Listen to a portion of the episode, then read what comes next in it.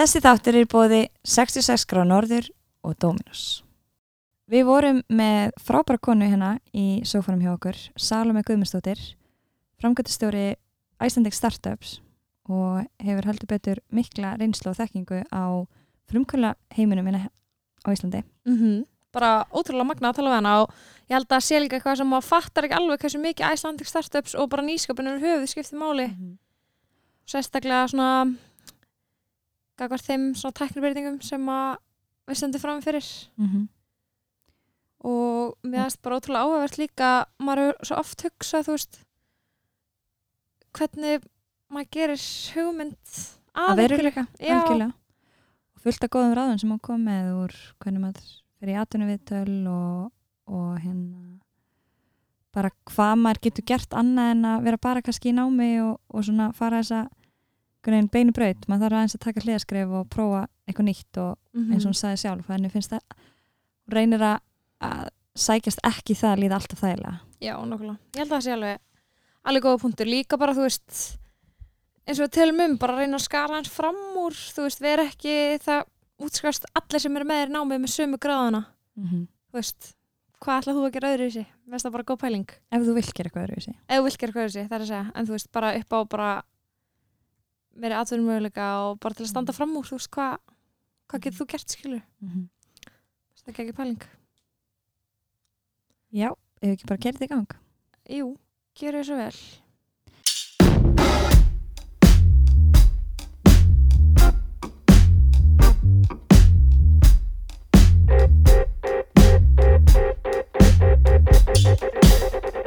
Þeir eru velkomin í þáttinn þegar ég verð stór. Ég heiti Vala Rún Magnúsdóttir. og ég er Vagan Jálsættir Til okkur er komin Salome Guðmundsdóttir, framkvæmstöru Icelandic Startups. Ertu velkomin til okkar? Takk fyrir. Hvernig hefur það? Ég er rosalega góð. Í svona haustlæðinni Já. sem er að laðast yfir. Æ, þetta er bara svo hugulegu tími. Já, náttúrulega. Kertiljósin og svona. ég veit það og eitthvað svona regndrópanir á glukkunum og Akkurat. Ég fór líka að hugsa, þú veist, það er svo fyndið hvað maður lætur veður hafa mikil áhrif á líðan sína. Þú veist, maður á bara að hætta, það, skilur maður er alltaf mm. geðveitt appi á sumrin. Já, Svo bara eitthvað í janúar, þá er maður bara eitthvað, jæja, þú veist, maður á bara að reyna að gleyma því, skilur Já. Það hefur alltaf mikil áhrif á mig allan, persónulega. Hvernig hérna, mér langar svolítið að forvittnast bara um þitt starf Já, Hvað er það að vera framkvæmdastjóri Icelandic Startups? mitt. Þetta er eitt skemmtilegasta starf sem að ég veit um. Það er engin eitt dagur eins. Ég heiti alveg ofupáslega mikið af skemmtilegu og kláru og hugmyndaríku fólki á hverju meinista degi. Um, mitt hlutverk snýst svolítið um að halda okkur á floti og hérna, tryggja að það séu verkefni í pípunum og gera samninga við bakhjarlan okkar.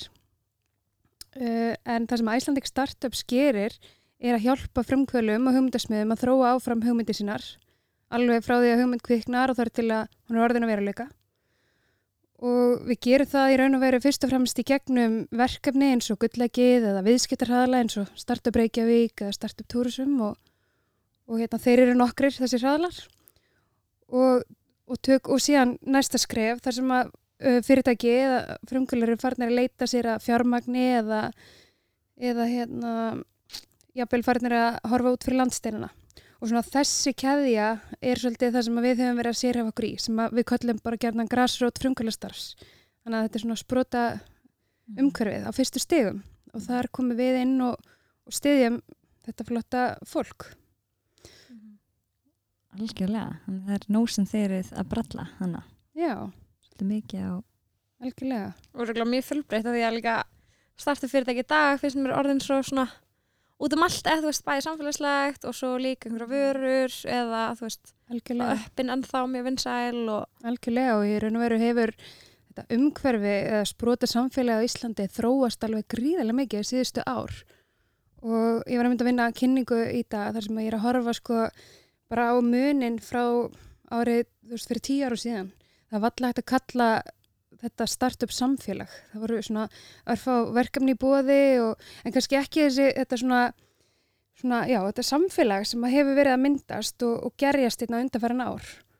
Þannig að, og það er í raun og veru alveg sama hver maður stígur niður. Það er einhvern veginn, það eru allir að hugsa um nýsköpun á einhverju tægi. Hvers, alveg saman hvort það eru fyrirtæki eða heiða ofinbera eða fjárfestar eða, og síðan allir þessi flottu hugmyndasmiðir sko, um, háskólanir eða hvað það er. Þannig að það er rosalega gaman að fá að starfi í þessu umhverfi núna. algjörlega. Tókst, hvernig tókstu við þessu starfi? Í árspyrjun 2014, Já, þannig það er fimm ár í rauninni, meira en það. rúm fimm ár. Fyrst er margt hafa breyst síðan þá, bara síðan þá. Mjög margt. Fyrir mig persónulega þá opnaðist bara sko, heil heimur og ég hef svo mikið áhuga á því að reyna að opna hann fyrir fleira fólki. Ég held að þetta sé svolítið undir ratar ennþá, all, öll þessi dýnamík og kraftur sem er, í, er hérna, á Íslandi og er að hérna, bara það sem er að gerast í þessu frumkvölingur. En hérna, já, en ég sérst að hann inn í árspyrjun 2014 um, Ári síðar þá eru stopnaðir þrýr nýjir uh, venture sjóðir, framtakssjóðir sem að fyrirtæki á fyrstu stöðum geta leita til eftir fjármagnun. Áður fyrir voru í raun og veru svona tveir sjóðir til staðar.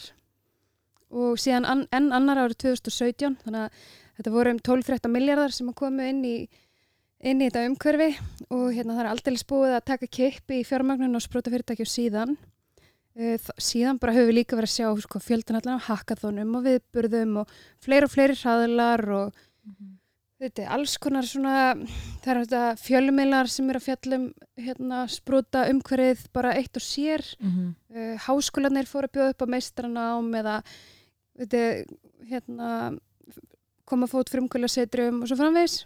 Þannig að það er rosalega margt búið að gerast. Og ég meina nýsköpuna frumvarp hins opinbera Mhm. eh, 2016 þannig að já, ég myndi segja að það væri mjög margt búið að breytast bara síðan eða á þessum rúmi fimm árum. Algjörlega.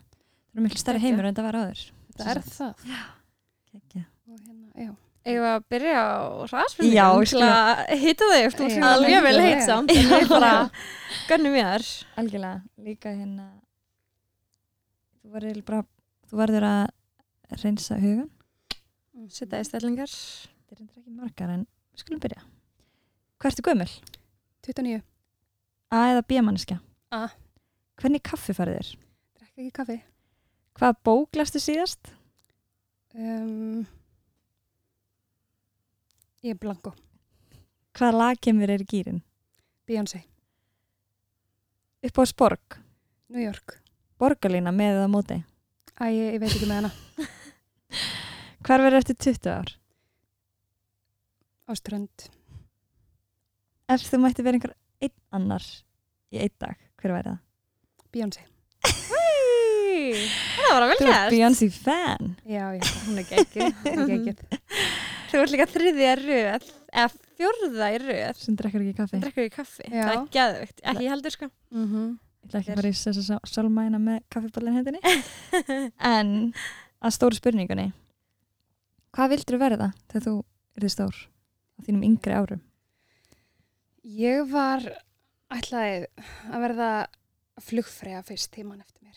En svo einhvern veginn, svona alvöru, alvöru, þá fór ég að hugsa, mér langaði að vera arkitekt eða vinna í tískuheiminum. Og ég stemdi að því alveg lengi vel, sko. Hvað varstu gömul þegar sá draumur svona kvarfum gluggan? Ég, um, í raun og veru, þegar ég er að útskrifast úr, hérna, eða, klára stúdisprófum mitt, þá var ég búin að skoða mjög mikið að fara í það sem kallaði svona fashion marketing eða tísku markasfræði og reyndar ákveða að byrja því ég er svolítið praktísk líka, að byrja að fara bara í viðskiptafræði og hérna, og dreif mér hana og fór til Danmarkur. Ég hérna tók eina önn þar úti í viðskiptafræði áður en ég fór síðan í HR. Þannig að, og í raun og veru eftir ekki með HR þá svona breytist þetta aðeins en þetta blundar alltaf í mér þessi svona, þetta svona skapandi element sko í bakgrunni einhvern veginn Mhm. þannig að já, Þannig að nóg eftir. er nóg eftir, ég er rétt að byrja Já, nákvæmlega Hvað er allstu? ég elst upp í hlíðanum Eins og við fellow, Hlýðanar, 105. já, 105 það þykir rosa vænt um þann stað. Mhm. það er gott að alast upp í hlíðanum Þú líka varst svona svolítið á öllum sviðum, ég var að spyrja þú segir hamralið, grænlið, eskilið, þetta er svona að- öll horn, einhvern veginn. algjörlega, nú varst að kofra þetta vel. Já, bara fegst að kynnast öllum og já, einmitt. báðu megin við lönguleið og Ætli það sé ekki bara svolítið einkennandi fyrir mig já, með svona á, á marga vinahópa og einhvern veginn á, úr ýmsum áttum Mhm. en hérna, já Varstu ykkur um íþróttum þá varst yngri? Já, ég prófaði eitt og annað. Ég var í ballett og svo jazzballett mjög lengi og hérna síðan prófaði ég eitt og annað. Ég fór í fótbolta auðvitað í val og hérna það var ekki alveg, átti ekki alveg vel við mig sko en fór síðan í hérna prófaði listans og skautum og ég var í einhverju svona activity tengt í skólanum, bara brottennis og einhverju svona. Mhm. en hérna já, en ég einhvern veginn enda að fara í síðan á fullt bara í ræktina og tek það alveg svona all in. Og það er svona hliðarverkefni mitt, ég var alltaf að kenna aerobik og, og sip og, og svo jókakennarinn og eitthvað, þannig að Ok. það er einhvern veginn svona já, var það svona aðal, mitt aðalsport sko. Gekkja, Já. varstu bara í vörklags kringlunni eða varstu best að fara? Ég var mjög lengi inn í sporthúsi og svo fór ég í vörklass og, og er núna að vinna svolítið með breiðaldið Mhm. og hafnafyrir meist, það var næst, það er svona Mhm. nálega heimilinu. Vorum við mitt með Dís- jú, ég var lengi það líka. Dísu vörglasina. Já, ég sé það. Allt að gerast. Um, já, en hvernig barn varstu? Hvernig barn var ég? Mm, Ég er elst fjögur sýstra, uh, þannig að ég var svona fljót held ég að taka svona þetta leiðtóa hlutverk að mér, hvort sem að þeim líka það betur að verð. En ég held að ég hafi verið svona freka bara róleg og samviskusum og já, en svona samt fann mér alltaf eitthvað til dundurs og eitthvað til að hafa fyrir stafni. Ég man eftir því til dæmis að það kom verkvað lengt tíman hérna, þegar ég var í grunnskóla og við vinkonunnar, við gáðum út blað. Og hérna, já, þið vitið, það er svona, já, einhvern veginn, um, ég man líka eftir því ég var mjög oft raðið herberginu mínu upp á nýtt. En svona, ég, ég þurfti alltaf að hafa eitthvað fyrir stafni. Ég tengi mikið við það. Já, Já. Við erum alltaf að, eitthvað, að eitthvað snúa herbygginu sinu við. Bara maður Mhm. hefði ekkert að gera. Eitthvað svona, mamma, ég ætla að færa her- rúmið mitt í þetta horn núna. Já. eitthvað svona, erst að grínast það? það var svona eitt, í einhverju vetarfríi þá mála ég allt herbyggið mitt Akkurat. sjálf. Mamma Já. bara, ok, flott. En er hvernig blað? það var eitthvað krútlegt, hérna, Verkfaldsblad. Já, eitthvað sem að við hérna fylgdum með gátum og uppskriftum og viðtölum ég held að við mér sér ringt í Magga Skeving það, það var Maggi Skeving og pappi sem fór í viðtal og hérna eh, en já, en við seldum þetta blað síðan bara gengum hús úr húsi þarna í hlíðanum og seldum hérna og ég held að ágáðan að vera runni til Rauðakrossins eða Barnaspítalans eða eitthvað slis en hérna, þetta var mjög skemmtilegt Já, ég trúi því. Gekkja. Og svo fyrir í Kvassó, segiru. Já, ég tók, sem sagt, hérna, kláraði Gaggó í Kvassó Mm -hmm. Og bara opislega skemmtilegt. Mm -hmm. og kynntist hérna góðu fólki þar líka. Og síðan fer ég hérna í Vestló Af hverju veldur Vestló? um, ég einhvern veginn bara hann höfði það best til mín. Það var svona valið stóða milli MS og Vestló og svo þekkti ég fleiri sem voru að fara í Vestló því það hafi bara, það hafi gert útslæð Mhm. Engar nálegt. já, nokkulega ég sé alls ekki eftir því sko. Það var rosalega góð tími Og á hvað brautastu þar? þar var ég á Hagfræbraut Það var strax svona eitthvað viðskipta tengt Já, eða svona. það er allavega hérna, kveikti svona áhuga minn á viðskiptum og hagfræði hérna svona fyrir alvöru sko, Mhm. já, klárlega Og varstu virkið félagsliðinu á þessum tíma? Já, alveg þokkalega já, ég var ekki í nefndafélaginu ég var hérna, tók að mér að vera veist, kannski einhver svona minni verkefni en ekki í nefndafélaginu en hérna, jú, en ég stundaði félagslífið alveg greimt, jú, er ekki að gera. Nei, einmitt. Gekkja. Mhm. Og svo verður stúdent segiru og fórst til Köpen. Já, ég fór til hérna Danmörkur, til Óðinsvíða og var Já, þar ok. í, í, í tæfta ár, tók eina fór í viðskiptafræði þar úti og hérna, ég held að það hafi verið svona meira mótrói að því að það voru svo margir sem ætluði yfir götuna í HR en ég ætlaði, ég einhvern veginn hafi alltaf, ég var alltaf einhvern veginn stemt út, ég hef verið rosa hrifin af öllu svona, ég er með mikla æfintir þar á, mikið svona einhvern veginn hugurinn leitað út, þannig að ég dreif mig þangað og en kem síðan heim og kláraði hann eina önn og kem síðan heim og skráði mig í HR og það, Af hverju ákvæmst að taka bara einu önn? það var bara einhverja persónulega ástæður Já. að baki Mhm. hérna, veist ekki hvort ég hef hægt með kærastanum með eitthvað, það var eitthvað svo leið sko. Mhm. en ég ætla hann að kem heim og fer í HR og, og það er bara ég er svona hálfpartin alveg upp í HR af því ég fyrir setna að vinna þess fyrir skólan sko. en hérna, þetta var alveg kjörlega eitt besti tími lífsminns, það var bara ótrúlega góð tími þar þar var ég mjög virki í félagsstörunum og ég til dæmis var alþjóð fylgdur í tvö ár kom upp svona buddy system kerfi sem að við hefum verið með því fór skiptinám líka úti til Barcelona Mhm. og hérna, já, og var bara algjörlega all-in í því, sko.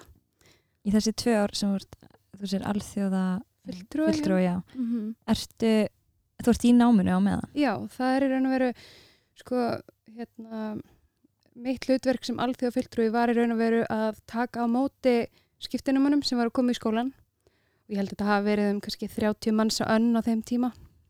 Við vorum tvær eða þrjár sem að vorum í þessu saman og við unnum svona þvert með öllu nefndafélagunum sem var ótrúlega skemmtilegt líka. Um, og ég auðvitað er í HR þegar HR er upp í ofanleiti Mhm. og þá var þetta sko slim inn í skóla en er í dag mikil samgangur á milli til dæmis verkfræðinar og, og lögfræðinar og viðskiptafræðinar sko en hérna, já en við tókum við mótið þeim og við vorum með alls konar viðburði, fórum með út á land og voru svona first point of contact ef maður má sletta Algjörlega, algjörlega. fyrsti sem að hérna, þau kynnast og hitta þegar þau komið til Mhm. landsins Egnaðist ekki mikið af alþjóðlegum samböndum og alveg, vinnum og... Jú. Frí gistingu þú Nei, en jú, heldur betur alveg hérna svona vináttu tengsl til framtíðar sko. Mhm. Ótrúlega dýrmætt. og ég meina í þínu starfi og því sem þú einhvern veginn kannski stefnir að að vera viðskiptum og hagfræði og svona þá Mhm. get ég ímynda mér að tengslanetið sé mikilvægt. Já, það er algjörlega það er bara, það er óbúslega mikilvægt. Og, og, hérna, og líka bara að sinna því vel og rækta tengslaniti, það skiptir líka máli. En og vera svolítið heill í þessu því þið getur, maður getur verið að networka sko daginn út og inn en, en svona einhvern veginn, já, vera svolítið heill í því sem maður er að gera. Þú meina bara heiðarleg og, og sannur eða? Já, Já. já, bara og raunverulega, þú veist já, bara ha, sína fólki áhuga og, og rækta Mhm. tengslinn almennilega, sko Mhm. Margir sem maður veltaði fyrir sér bara þetta tengslanett sem allir er að tala um bara já og hvernig fer ég að því hvernig, Mhm. Já, hvernig finn ég bara fólk út um allt og hvernig fer fólk að líka við mig og hvernig líka ég, veist, allt þetta og þetta er erfiðar en að segja það Já. 100% Fólk líka tala oft um að það sé alltaf sama spjalli hvað ert þú að gera Einmitt. og í hvað skóli varst þú og svona allt gett yfirbórskent skilur Einmitt. og svo bara svona já við þekkjumst eða þú veist þetta er svo erfitt einhvern veginn hugdag finnst mér. Algjörlega, ég held að þetta sé bara svolítið svona, þetta þarf ekki að vera of einhvern veginn formulera þetta, þetta kannski betra ef þetta er bara svona svolítið árensli laust að, að bara í raun og veru að hafa hugfast að sína öðru fólki áhuga líka og hlusta og hérna láta það sig varða einhvern veginn hvað það er að fást við. Og þú kannski nær bara að spjalla við einn eða tvo í, þú veist, á viðbyrði en ég meina það er þá kannski alvöru tengsl skilji já. um, en hérna já, þannig að þetta er einhvern veginn þetta kemur líka bara með tímanum. Þannig að já, Þú segir að svo- þú hefur verið feimin þegar þú varst yngri eða? Já, ég held alveg svona að vissu leiti en ég var alltaf átt mjög auðvelt með að eignast vini. Og hérna ég er ekki vissum að pappa og mamma myndi vera að sammála mér þegar ég segist það verið feimin en svona mér finnst rosa gott að vera líka bara af og til bara í næði sko. Útaf fyrir mig en hérna uh, en já, samt einhvern veginn alveg átt öðvöld með að kynnast fólki. Hefur gaman að fólki. Já, en svo útskræðast úr HR úr mm Mhm. viðskiptafræði. Hvað tekur svo við? Hvað langar að vera þá? ó já þá er ég ennþá sko ég held alveg svona kursi. Ég hérna uh, ég var sérst í HR þá var ég á alþjóðalínu sem að þýðir í raun að vera ég tók viðskiptafræði og við máttum velja okkur ennsku eða spænsku sem svona hliðarkurs bara allan tíman í náminu og ég tók spænsku bara ákveða að prófa það. Þannig að hérna og eins og ég segi áðan svona hugurinn leitaði alltaf mjög mikið út fyrir landsteinuna og á þeim tíma ég útskrifast sko 2007 úr HR Ó, í alveg hámarki hérna uh, útrásarinnar og svona uh, en þá áttu við uh, ég, ég áttu með draumum að uh, fara og, og vinna með veist, fyrirtæki eins og baugi eða eitthvað svo leiðis og við í raun og veru erum í þeirri forréttandu stöðu hópur sem útskrifast og viðskiptafræðinni að það eru bara, það er barist um, um þá sem eru útskrifast sko. og ég held að bara megin þorrin okkar hafi farið inn í bankana.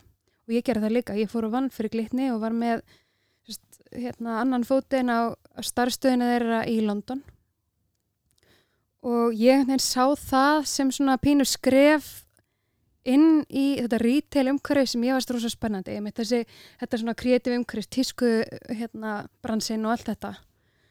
En, uh, en svo fór ég að vinna hana í bankanum og ég var mjög fljóta áttu mig á því þetta var kannski ekki alveg það sem ég ætlaði að fara að gera. Ég fór inn í svona einmitt, eins og mjög margir hérna, sem eru útskrifast inn í svona sérfræðingstöðu í greiningar og annað. Og hérna og bara fann mig alls ekki þarna og bara hérna já þannig að ég hérna Ertu í London? Nei, ég með annan, ég sérst vann fyrir uh, glitni í London Mhm. en var, við vorum tvö sérst, með starfstöð hér á Íslandi en við ferðumst af og til út til að hitta teimið okkar um, og það var þetta alveg galið að vera þú veist, fá að vera með á þessum tíma og fá að fljúa fyrsta farimi og fara á rosa flotta tónleika og þetta heitlaði mann auðvita en starfið sem slíkt var kannski ekki alveg það besta fyrir mig eða ekki svona henda mér ekki. Og ég fikk tækifæri til þess að fara að vinna með stelpum sem að útskrifuðust um svipuleit og ég úr HR þar voru að stopna fyrirtæki inn í svona auðlýsingabransanum þannig að ég bara tek uppeyju fyrir að vinna með þeim uh, drif mig í svona diplomanám í hérna markasamskiptum og vörmörkjustjórnun upp í HÍ og klára það, tek eitt ár þar og er síðan að vinna með þeim í svona markasmálum og hérna við erum að selja auðlýsingavörur á þeim tíma og síðan einhvern veginn hérna er það æfintir ekkert rúslega langt vegna þess að þá skellur kreppa góð á og þetta verkefni sem að var rosalega flott og hefði blífað á hérna, tímum góðarisins það einhvern veginn gekk ekki alveg þarna þegar að, að markasteildirna fór að draga saman seglin. Uh, þannig að ég fer fljótlega að vinna upp í háar og fer þá sem hef, hef samband við hérna Guðrun Högna sem var þá yfir opna háskólinum í HR og hún býði mig starf sem verkefnstjóri þar og ég er þar í alveg um fimm ár. Ok. Og hérna fyrst byrjaði sem verkefnastjóri og tek síðan við sem fórstumar opna háskólas. Og, og, og hvernig starf er það? Það er líka ofislega skemmtilegt. Þá erum við sko, þar erum við til dæmis að móta og þróa nýjar starfslínur. Þetta er, er nám sem er hugsa fyrir þá sem eru komnir út af vinnumarkaðin og vilja halda sér við. Þannig að, og há eru þetta einblínar á tækni viðskipt og lög, þannig að þetta voru það námskeið sem við vorum að hanna að þessum markkópi og hérna vorum að vinna mjög ná með fagfélögum og fyrirtækjum með þetta mikið.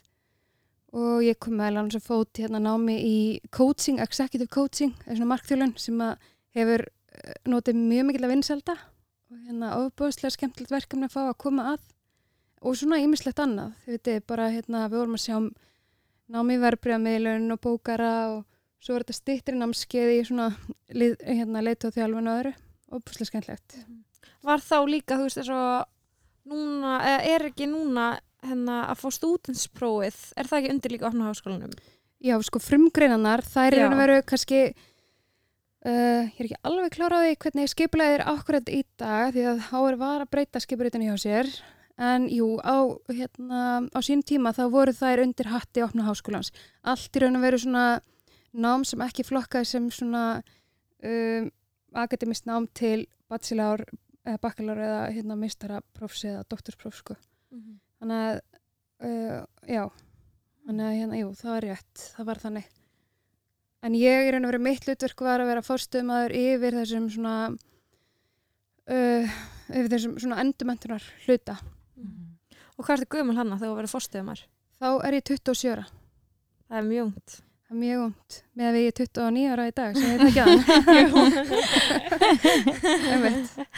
Uh, já, og ég er ótrúlega þakklátt fyrir að hafa fengið þetta tækifæri og hérna, og sem að hefur svo sannlega, hérna, já, opnað fleiri dyr líka.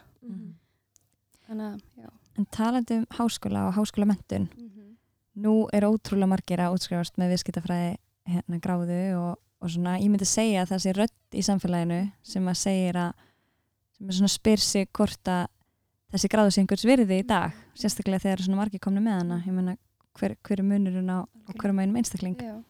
hver er svona þína pælinga með þetta og líka hvernig finnst þér hvernig fannst þér námið nýtast þér í því sem þú ert að gera í dag eða hefur þú bara getað farið út á vinnumarkaðin og Ég var rosalega ána með hérna, námið í HR og það er búið að nýtast mér alveg ótrúlega vel og ég myndi samt segja sko að öll þessi sko reynsla sem ég fekk að því að fara í skiptinám og taka þátt í félagstörfunum hún telur líka mjög mikið. En stu, varandi þetta þá held ég að sko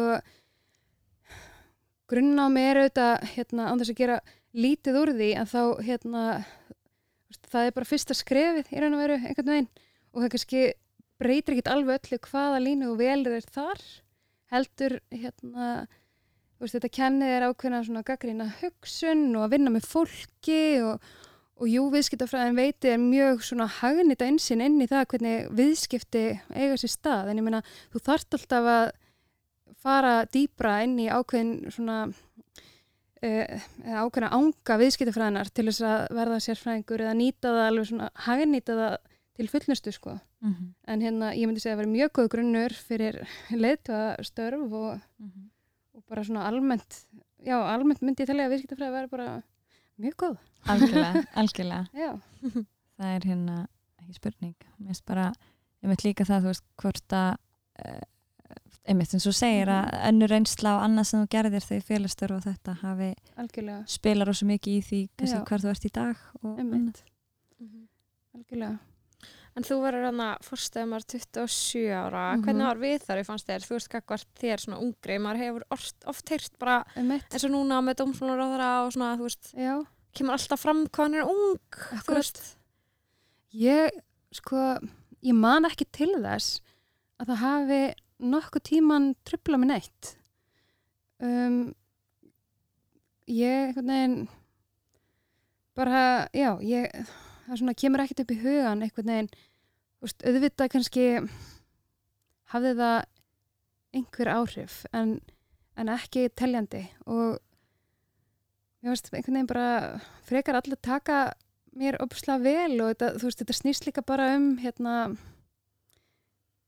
bara líka einhvern veginn hvernig maður á í samskiptu við fólk. Og mér hefur þótt rosalega mikilvægt að einhvern veginn alveg sama við hvernig þú ert að tala eða eigi samskiptu við að bara setja fólk á stall og koma eins fram við húsvörðin eins og fórstjóran eða skiljiði að hérna, ef þú ferð einhvern veginn áfram þannig þá kannski, ég veit ekki mm -hmm. hérna, mér hefur þótt að skipta mjög miklu máli, líka bara þegar ég er að fara inn í hérna, erfiðar aðstæður eða erfiðt samtal eða erfiða sölu eða hvað það er að muna bara, þú ert að fara að hitta fólk líka, mannlegt fólk.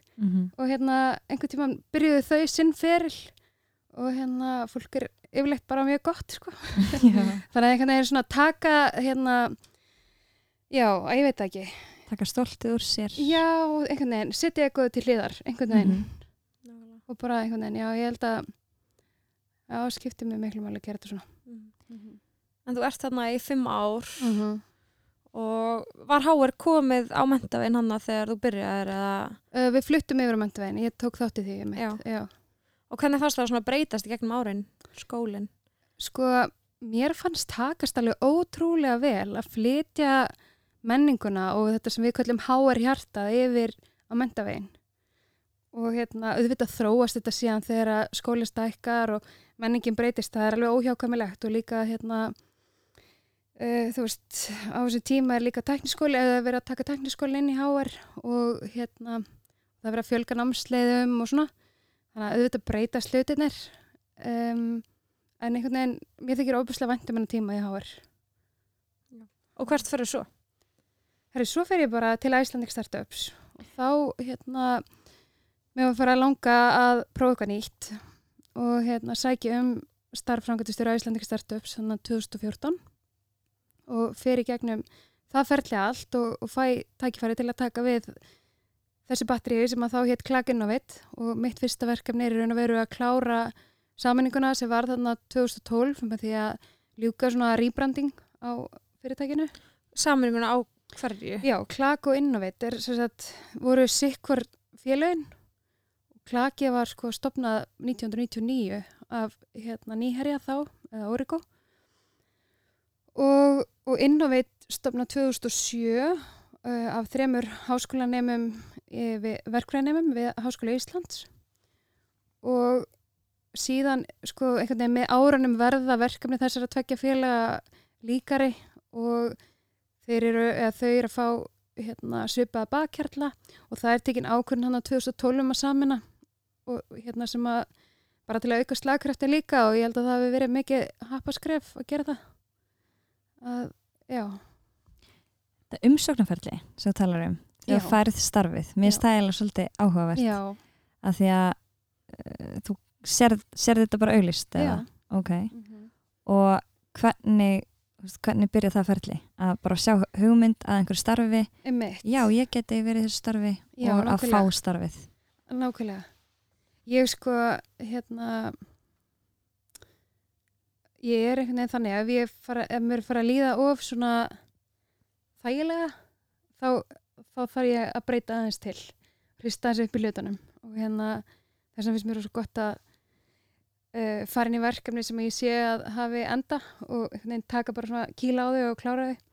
Og ég held að þessum tímapunkti leið mér svolítið þannig að, að ég var tilbúin í nýja áskorun og ég er eitthvað að fletta bara blöðanum og sé auðlýsingu um þetta starf og hún talaði bara algjörlega til mín. Ég þekkti aðeins til gulllegsins til dæmis og svona kannaðist aðeins við þetta en hérna, en alls ekki, sko ég, mér hefði aldrei grunað út í hvað ég var að fara. Mhm. En hérna, já, en ég veginn bara svona fyrir stað og sæki um og er búið viðtal og svo annað viðtal og held á kynningu og svo búið starfið og hérna, og ég mani mitt eftir sko einu, einu af mínu fyrstu svona giggum í þessu starfið þá vorum við að taka við nýjum viðskiptarhæðali sem var ætlaður um, orkutengdum yðnaði eða lausnum í orkutengdum yðnaði og hann átti að fara fram á ennsku og hérna, og ég var í raun og veru mitt fyrsta, eitt mitt fyrst- fyrsta verkefni var að halda fyrirlestur inn í þessu verkefni, ég veist ekkert hvað ég var að gera sko, en hérna svo var ég með voðalega góðan hópa starfsfólki sem að hérna tók mig mjög vel og fór yfir þetta allt saman með mér í róliheitunum en, en svona ég, einhvern veginn, ég vissi ekkert út í hvað ég var komin og fara að tala um orkumál og á ensku og hérna, það var svolítið skeri en, en einhvern veginn svo lætur maður bara vaða og maður lærir á, þú veit, ég, með hverju skrifunu einhvern veginn Algjörlega. en hérna, það er líka skemmtilegt og ég meina, þegar maður fær smá stingi maður en maður þá ekki að vaksa, Það er rétt. það En atvinnuviðtöl, hvernig indubyrðið þið fyrir atvinnuviðtöl? Þú er nú farið þá í nokkur eða svona. Já, sko, Tekur þú líka atvinnu til? já, ég tek já. atvinnu viðtöl hérna hjá Icelandic Startup svo tek ég fólki viðtöl uh, hvernig ég myndi undirbúa mig fyrir atvinnu viðtöl ég myndi vera búin að þess að emitt, fara í gegnum svona það hvernig mín reynsla getur komið fyrirtækinu að góðum nótum og hvaða verði ég er að koma með inn í fyrirtækið um, hvernig það einhvern veginn það er líka rosalega oft gott, sérstaklega ef það eru sko auglýsingar um starfi það er rosalega gott líka bara að fara í gegnum það bara hérna, skref fyrir skref, eftir hverju verið að sækjast og hvernig fitta ég við þessa lýsingu og raun og veru draga það kannski svolítið fram. Uh, hvort sem þú ert þá að, að gera þetta í viðtali eða í einhverju kynningabrifi að reyna svolítið að hérna, já, að láta það passa saman. Og, og svo er þetta bara einhvern veginn emmitt, hérna er maður bara svolítið maður sjálfur og, og hérna já, þú veist, bara vera búin að kynna sér vinnustæðin mjög vel og, og, og jafnvel fólki sem þú ert að fara að hitta ef þú veist hvernig þú ert að fara að hitta og svona kannski hafa kannski smá hugmynd um það ef þú væri, fengir þetta starf, þú veist, hvað myndir þú gera? Hvað, hvernig myndir þú nýta tækifærið? Og taka þetta svolítið þaðan, Mm já. Heldur það sé ekki margt búið að breytast svona í þessum atvinnu viðtölum frá því kannski í dag, þú veist það sem einhvern veginn allt er aðeins orðið mikra og meiri tilfinningar í öllu heldur en kannski fyrir 20 árum eða 10 árum eða hvað heldur þau? Ég bara Jú. velti þessu fyrir mér Ég held að sé rosalega mismunandi, sko, hvort þú ert að fara í atvinnuviðtal inn á ráðningaskrifstofu, þar sem að þau eru með kannski ákveð svona form á viðtalinu eða þá að fara að hitta uh, svona í meira spjalli einhvern mannustjóra eða einhvern sem að hérna, bera ábyrðaráðningum innan fyrirtækja ég held að sé svolítið mismöndi dýnamík lesa aðstæður já.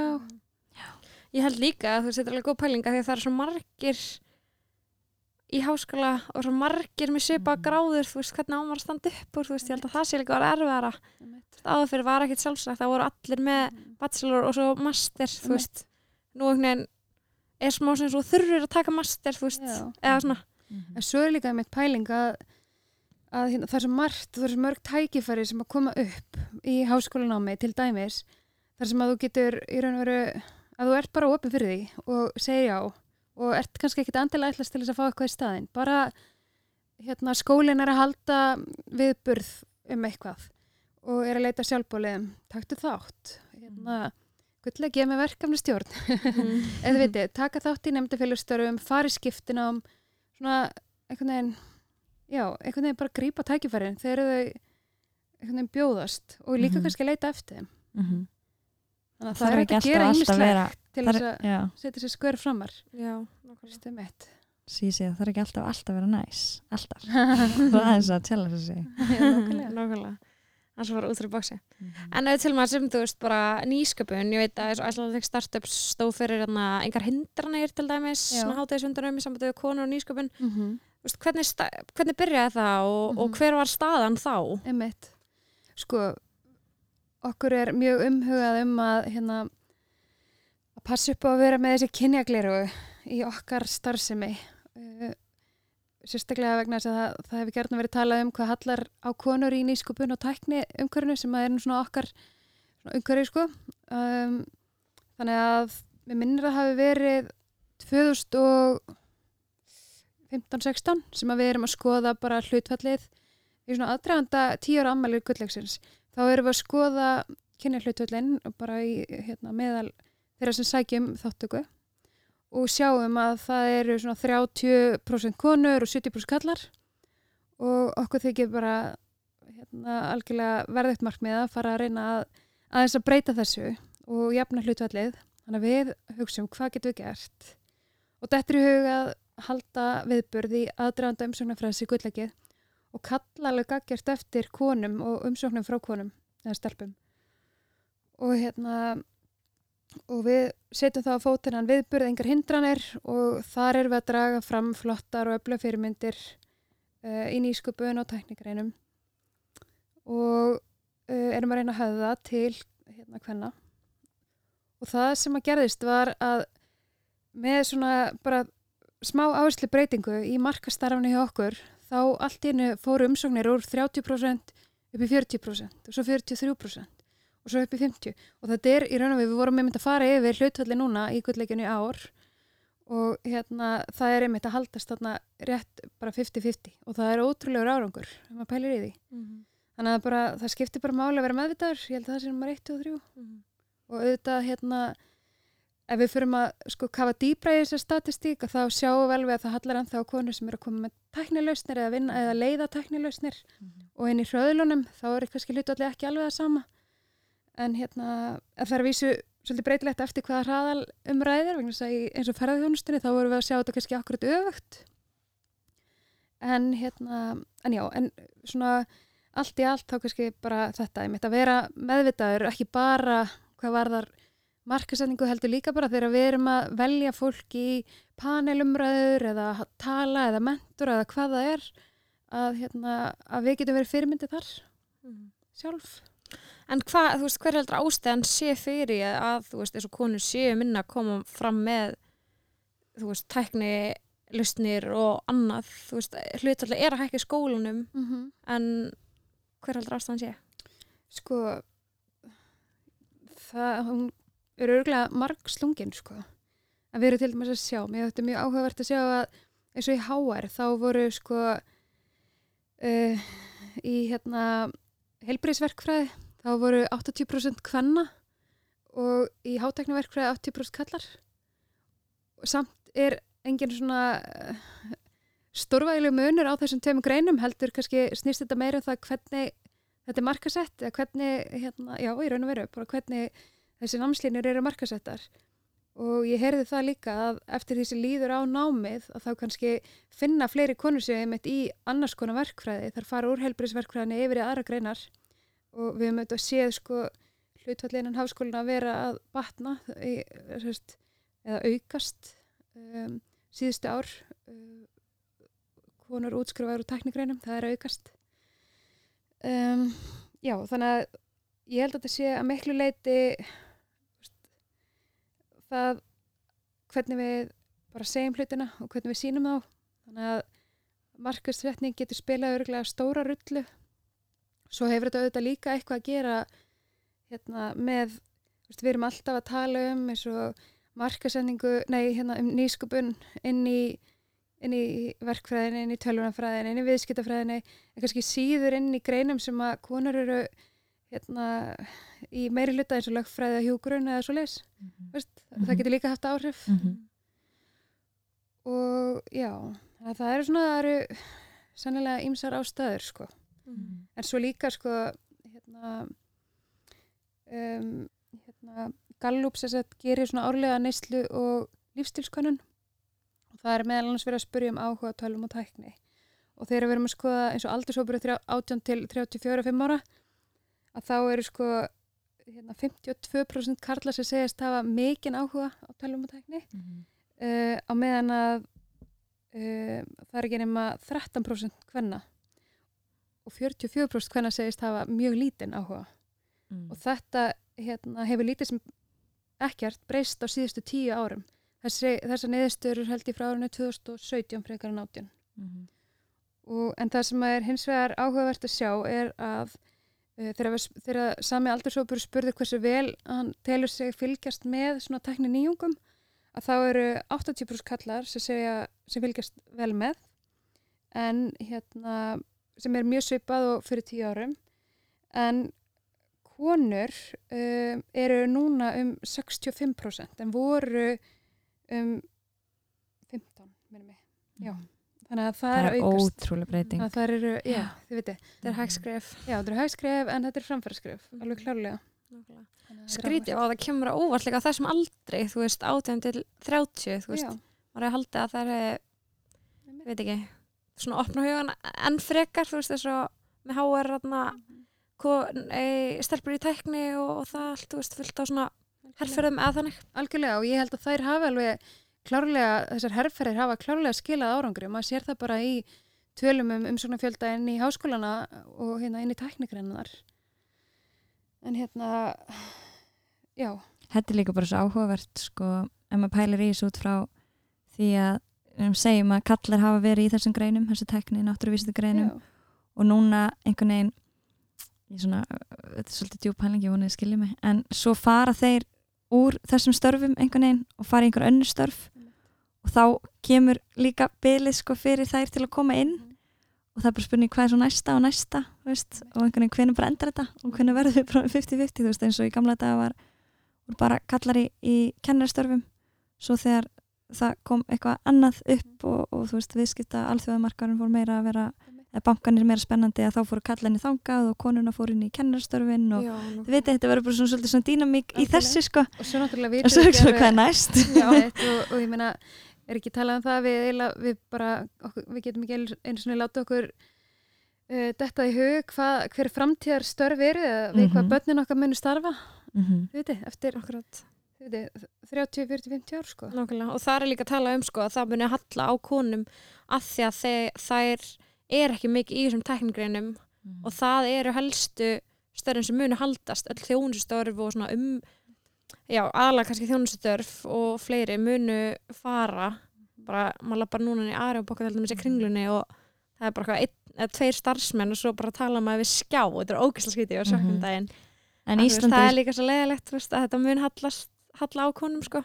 en sko það, samt sem áður að þá hérna þarf auðvitað konur með fjölbreyttan bakgrunn og fólk með fjölbreyttan bakgrunn til þess að búa til frábær nýsköpunfyrirtæki Mhm. þannig að þið veitir tæknigreinar eru jú gríðarlega mikilvægar en við þurfum líka, þú veist, fólk sem að skilur hérna markasetningu og samskipti og hugverkaréttindi og hönnun og allt þetta Mhm. þannig að hérna, já, til að ná árangri sko.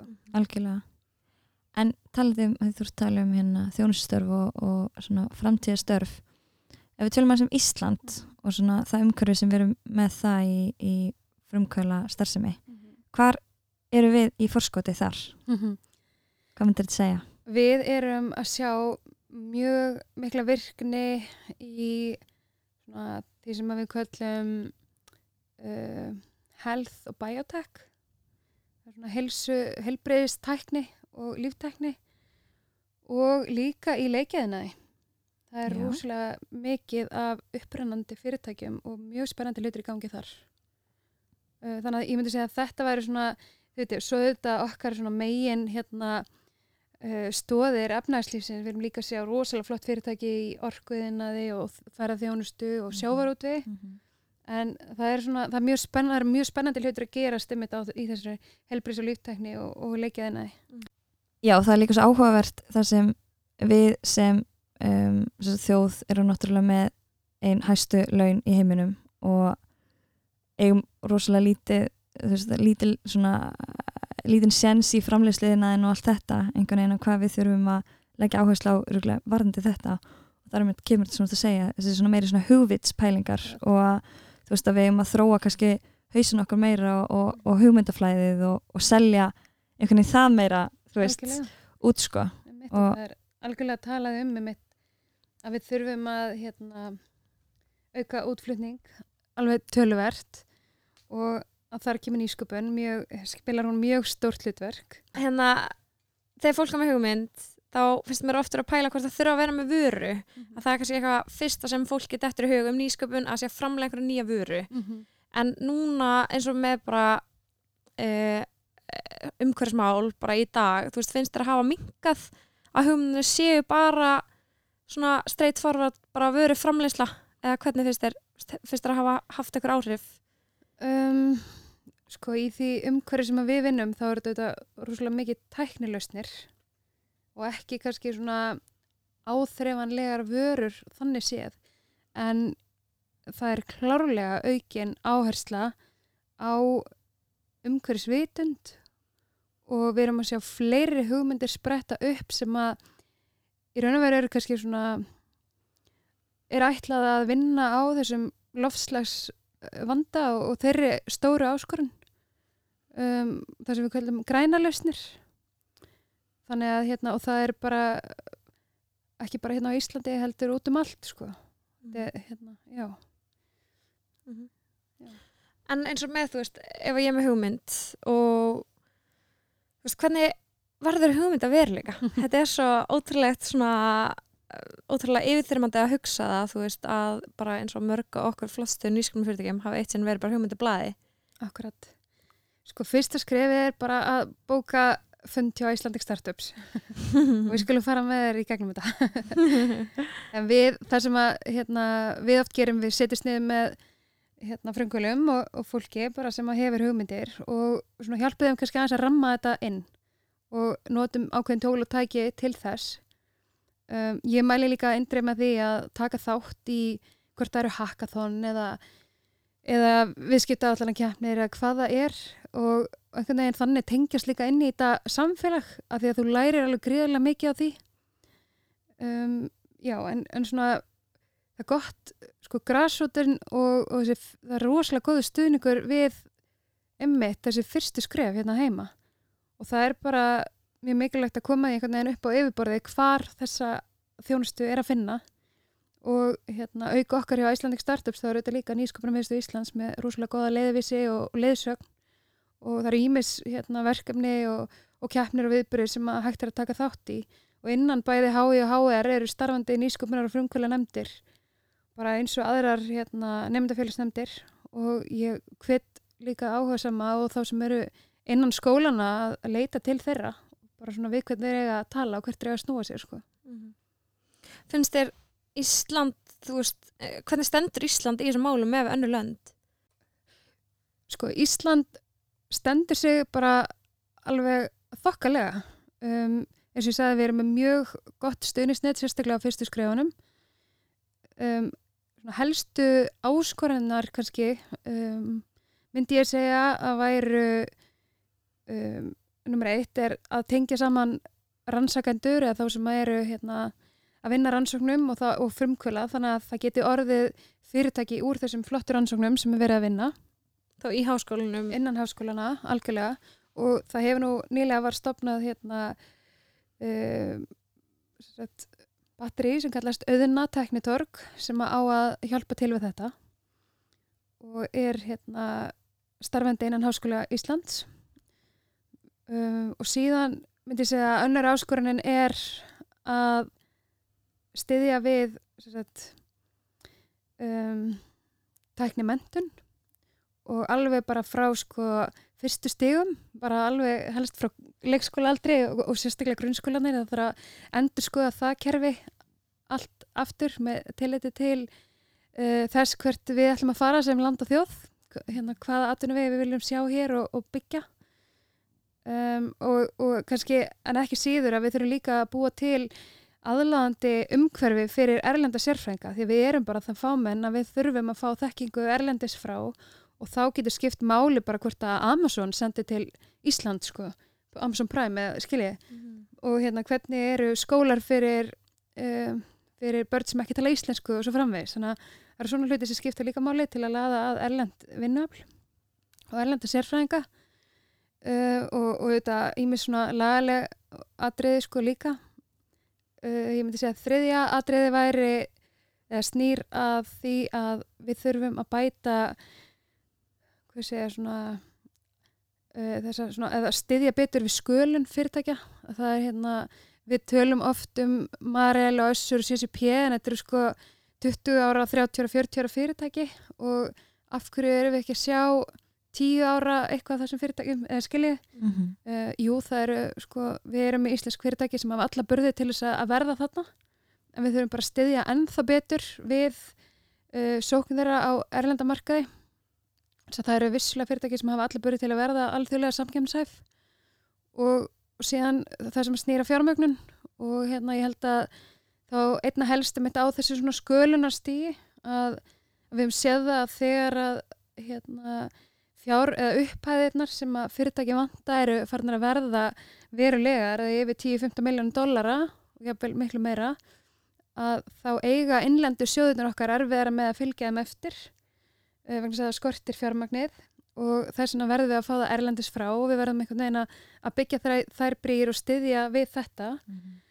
Og hérna vegna þess að sko fjármagnið er eitt en, en hérna því ef við tökum það erlends frá þá fylgir því líka sérfræðþekking sem við höfum ekki hérna heima því að smæðmarkaðarins bara gerir það verkum að við höfum ekki bólmægt til þess að verða sérfræðingar í ákveðinum ánga af helbriðistekni eða lífisindum, eða skiljið, það er svona Mhm, þannig að það skiptir máli að hérna, hugsa þetta svona í stóra samminginu Mhm.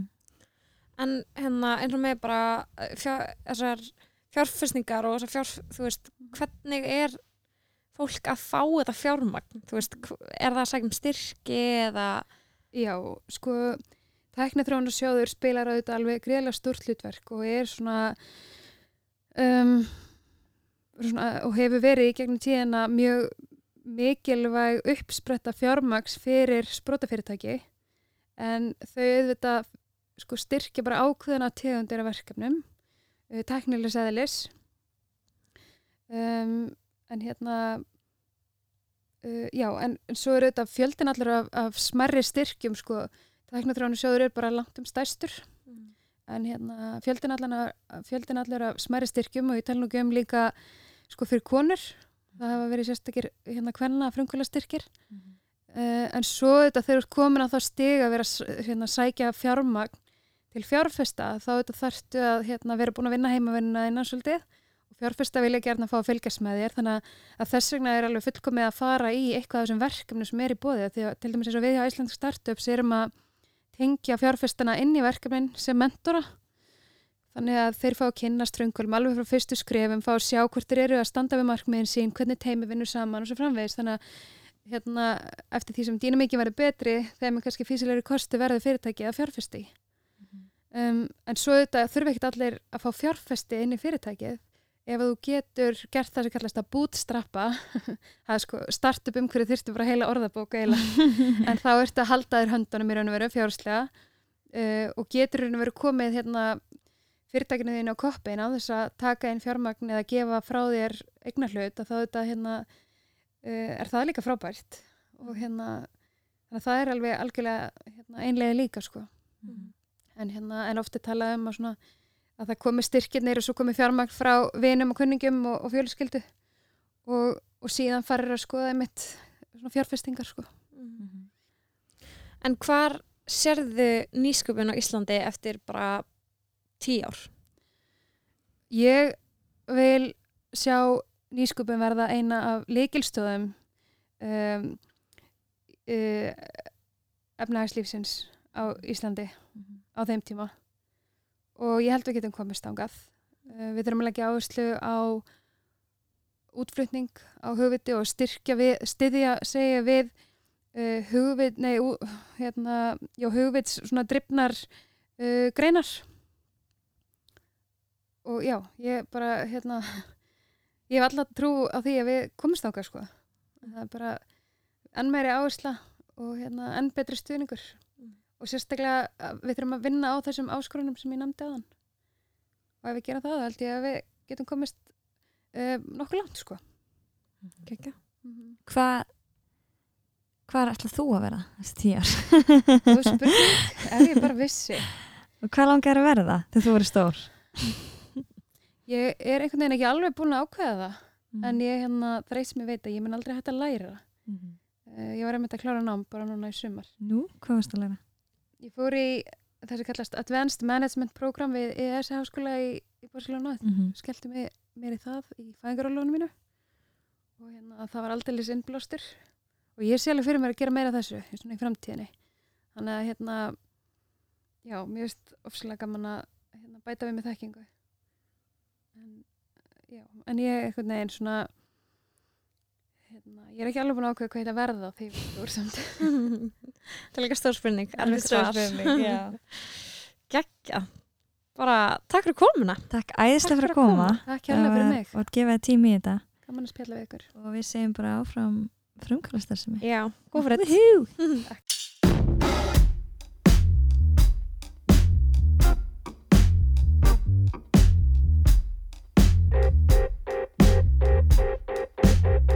Þau sitja eftir með auð sætisplást til beggja handa.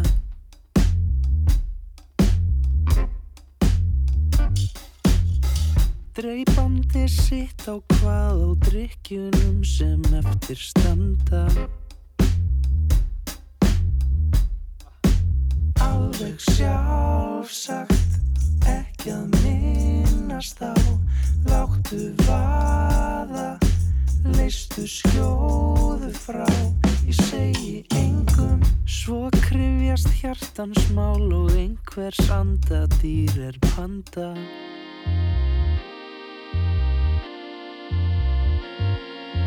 Trún og trún á, kinn við kinn þú og ég og einhver vinnu þinn.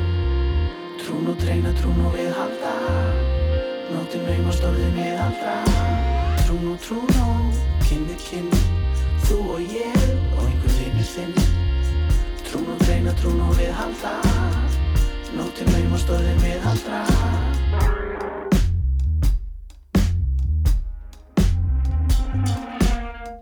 Og við svo krumpuð bæð og breytt því það er langt um liðið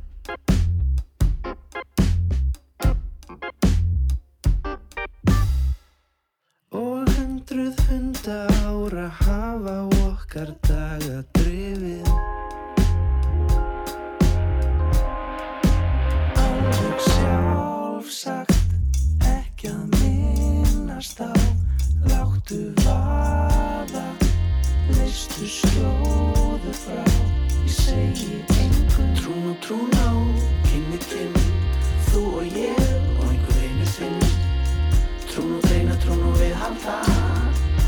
Nóttin naumast orðin viðhalda Trún og trún á, kinn við kinn.